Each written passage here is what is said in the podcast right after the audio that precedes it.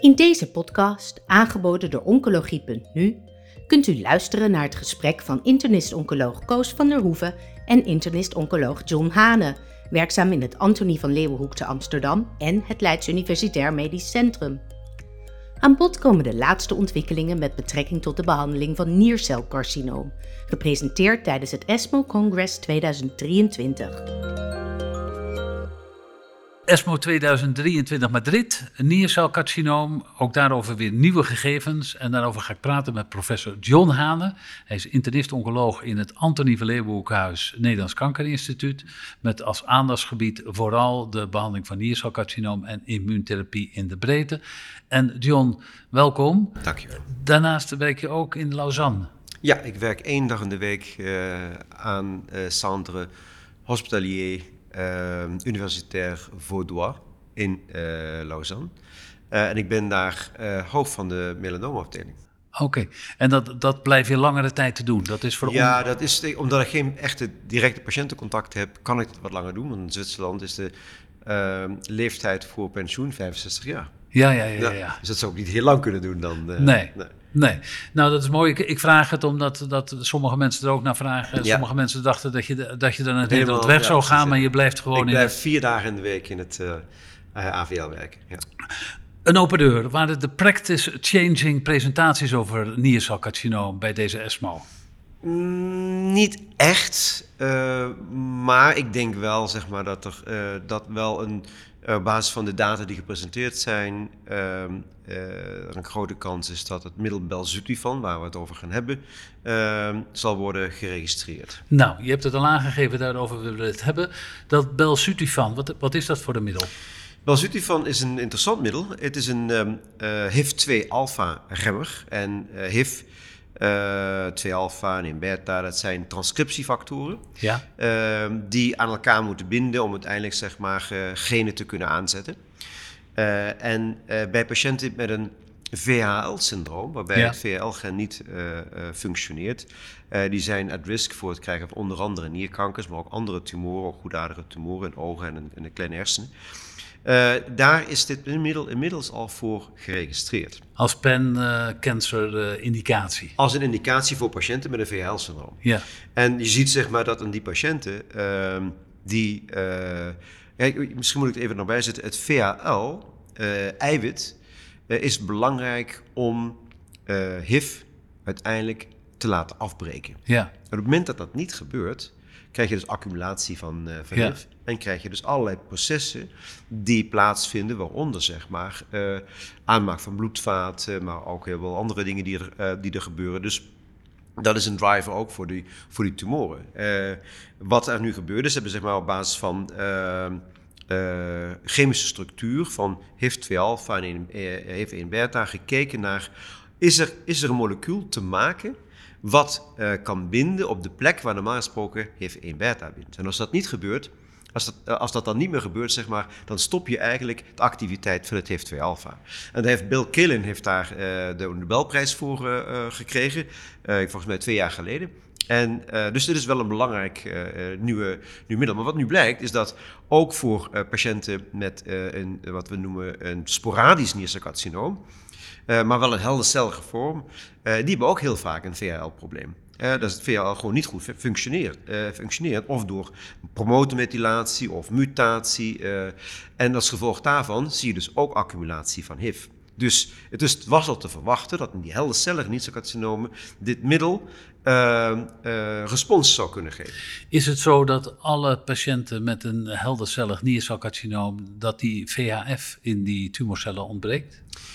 Nou ja, het, uh, ik denk niet dat het helemaal ontbreekt, maar het zou wel kunnen zijn dat het verminderd aanwezig is of verminderd functioneert. Ja. En uh, dat is wel iets wat je, wat je veel in die tumoren uh, ziet. Dus ik denk toch de drijvende kracht is onder andere, zeg maar, VL. En, maar daarnaast zijn er ook, ook wel andere genen die ja, gemuteerd zijn en leiden tot uiteindelijk uh, verlies van tumorsupressors. Ja. Laten we gaan praten over eh, wat de klinische effecten daarvan zijn. En die klinische effecten die zijn allemaal bestudeerd in studies die de naam Lightspark krijgen. En de eerste waar ik het over wil hebben is de Lightspark 3-studie. ging om twee cohorten, één als eerste lijn en één als tweede lijn na progressie op immunotherapie. Ehm, en dat werd gecombineerd met cabozantinib. Was dat de normale dosis cabozantinib die gebruikt werd? Ja, het was een hoge dosis. Uh, we geven cabozantinib uh, meestal in 60 milligram. Ja. Uh, maar het merendeel van de patiënten houdt dat niet vol. Belzutifan werd hiermee gecombineerd in een dosering van 120 milligram. Ja. Wat waren de resultaten voor wat betreft PFS en misschien OS? Um, nou, ik denk dat misschien juist omdat het een min of meer fase 2-studie uh, eh, was, is denk ik ook de, de, uh, de response rate wel, wel belangrijk. Uh, in de eerste lijn is de response rate kans voor de combinatie hoog. 70 procent. Ja. In de tweede lijn was het duidelijk lager. Die patiënten hadden natuurlijk al van tevoren TKI's gehad, hè, uh, VGF-receptorblokkers. Uh, en dan zie je zeg maar, dat cabozantinib dan ook eigenlijk veel minder doet in die setting. Maar dan zie je wel degelijk het effect, denk ik, van voornamelijk belzutifan. Ja. ja. En ik moet even kijken naar de uh, survival, de progressievrije survival in de uh, cohort 1 was, uh, nou ja, als je kijkt naar twee jaar, 57 procent. En cohort 2 was dat op twee jaar 28 procent. Ja. ja. maar die, de tweede cohort is een cohort wat uh, een TKI en ook immunotherapie gehad heeft. Ja. Ja. Die waren echt voorbehandeld. Ja. Wat is het toxiciteitsprofiel als je de cabozantinib combineert met dat belzutifan? Het, het, het toxiciteitsprofiel is eigenlijk uh, min of meer een uh, combinatie van de twee uh, toxiciteitsprofielen. Cabozantinib heeft ja, kenmerkend toxiciteitsprofiel van de VEGF-receptorblokkers. Uh, dus vooral klachten van maag-darmstelsel, met diarree, klachten, obstipatie. heese stem komt vaak voor. Ja. Hypertensie komt natuurlijk vaak voor. handvoetsyndroom komt relatief vaak voor. Dus dat zijn eigenlijk de belangrijkste bijwerkingen van, van cabozantinib. Belzutifan heeft op zichzelf wordt het middel goed verdragen, maar heeft twee belangrijke eigenschappen. Um, dat is namelijk dat het uh, anemieën veroorzaakt. Ja. En het kan in sommige gevallen ook hypoxie veroorzaken. Ja. En die anemie is denk ik wel een gevolg van het werkingsmechanisme van, uh, van, van, van belzutifan. Dat je eigenlijk ook voor de aanmaak van, uh, uh, van rode bloedcellen EPO nodig hebt. Ja. En dat wordt geremd eigenlijk door dit, door dit middel. Ja. Dus wat er gebeurt is dat die patiënten die een anemie krijgen... vaak een, een lage dosering erythropoïetine krijgen. En daarmee is dat HB-probleem, die anemie, in het algemeen goed te managen. Ja. Uh, ik ga nog even verder naar de Lightspark uh, 005-studie. Ja.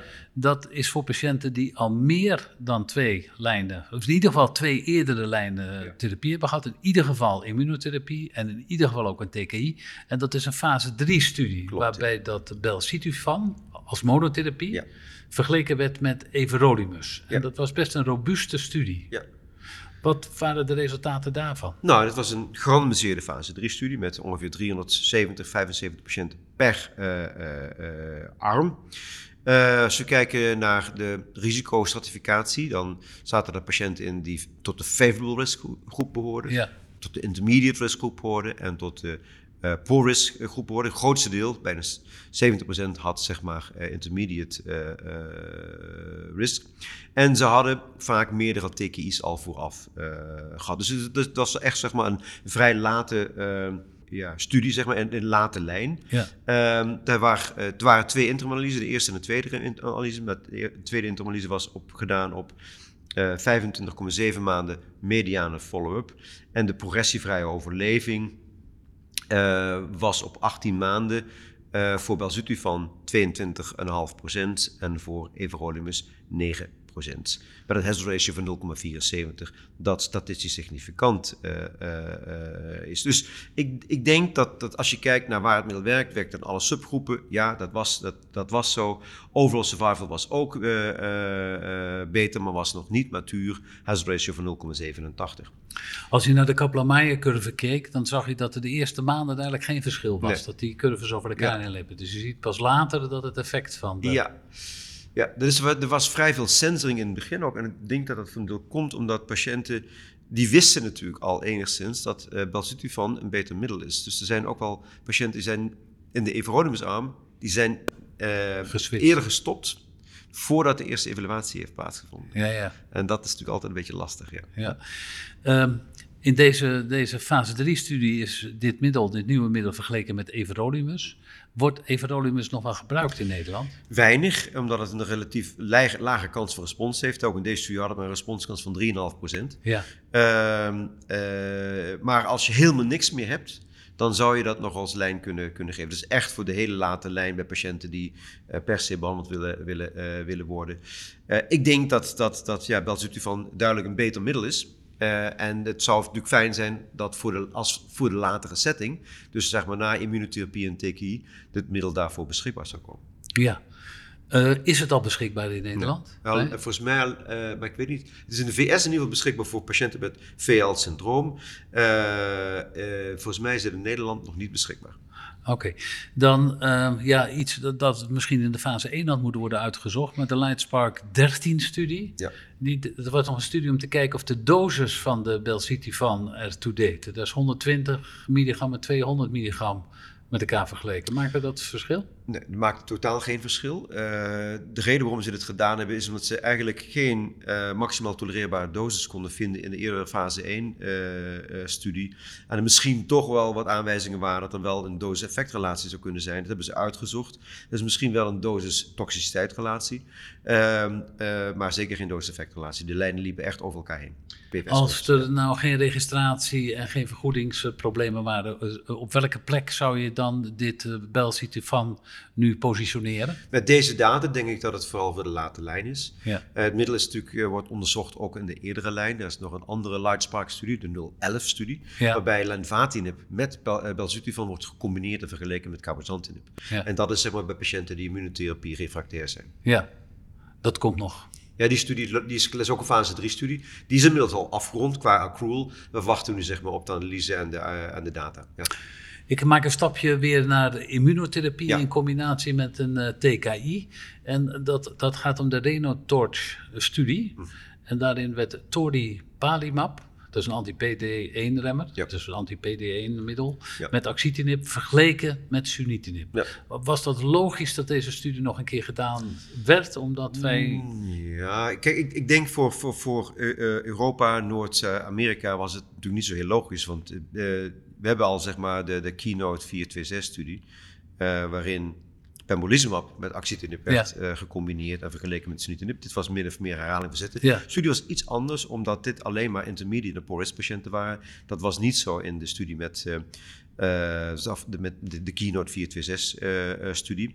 maar, en dat werd heel mooi verteld ook door de discussant. Ja.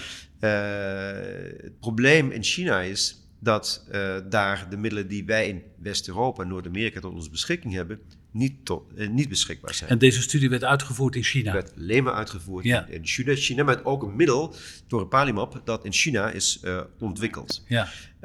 Dus voor de Chinezen een heel belangrijke studie, omdat dit zeg maar de mogelijkheid biedt om ook deze combinatie daar aan patiënten met een helder carcinoom te kunnen geven. En waren de resultaten, gaven die aanleiding toe om dat te gaan gebruiken? Ik denk dat de resultaten sterk vergelijkbaar waren met de uh, uh, studie die wij uh, uh, in andere delen van de wereld gedaan hebben, dus de Keynote-studie.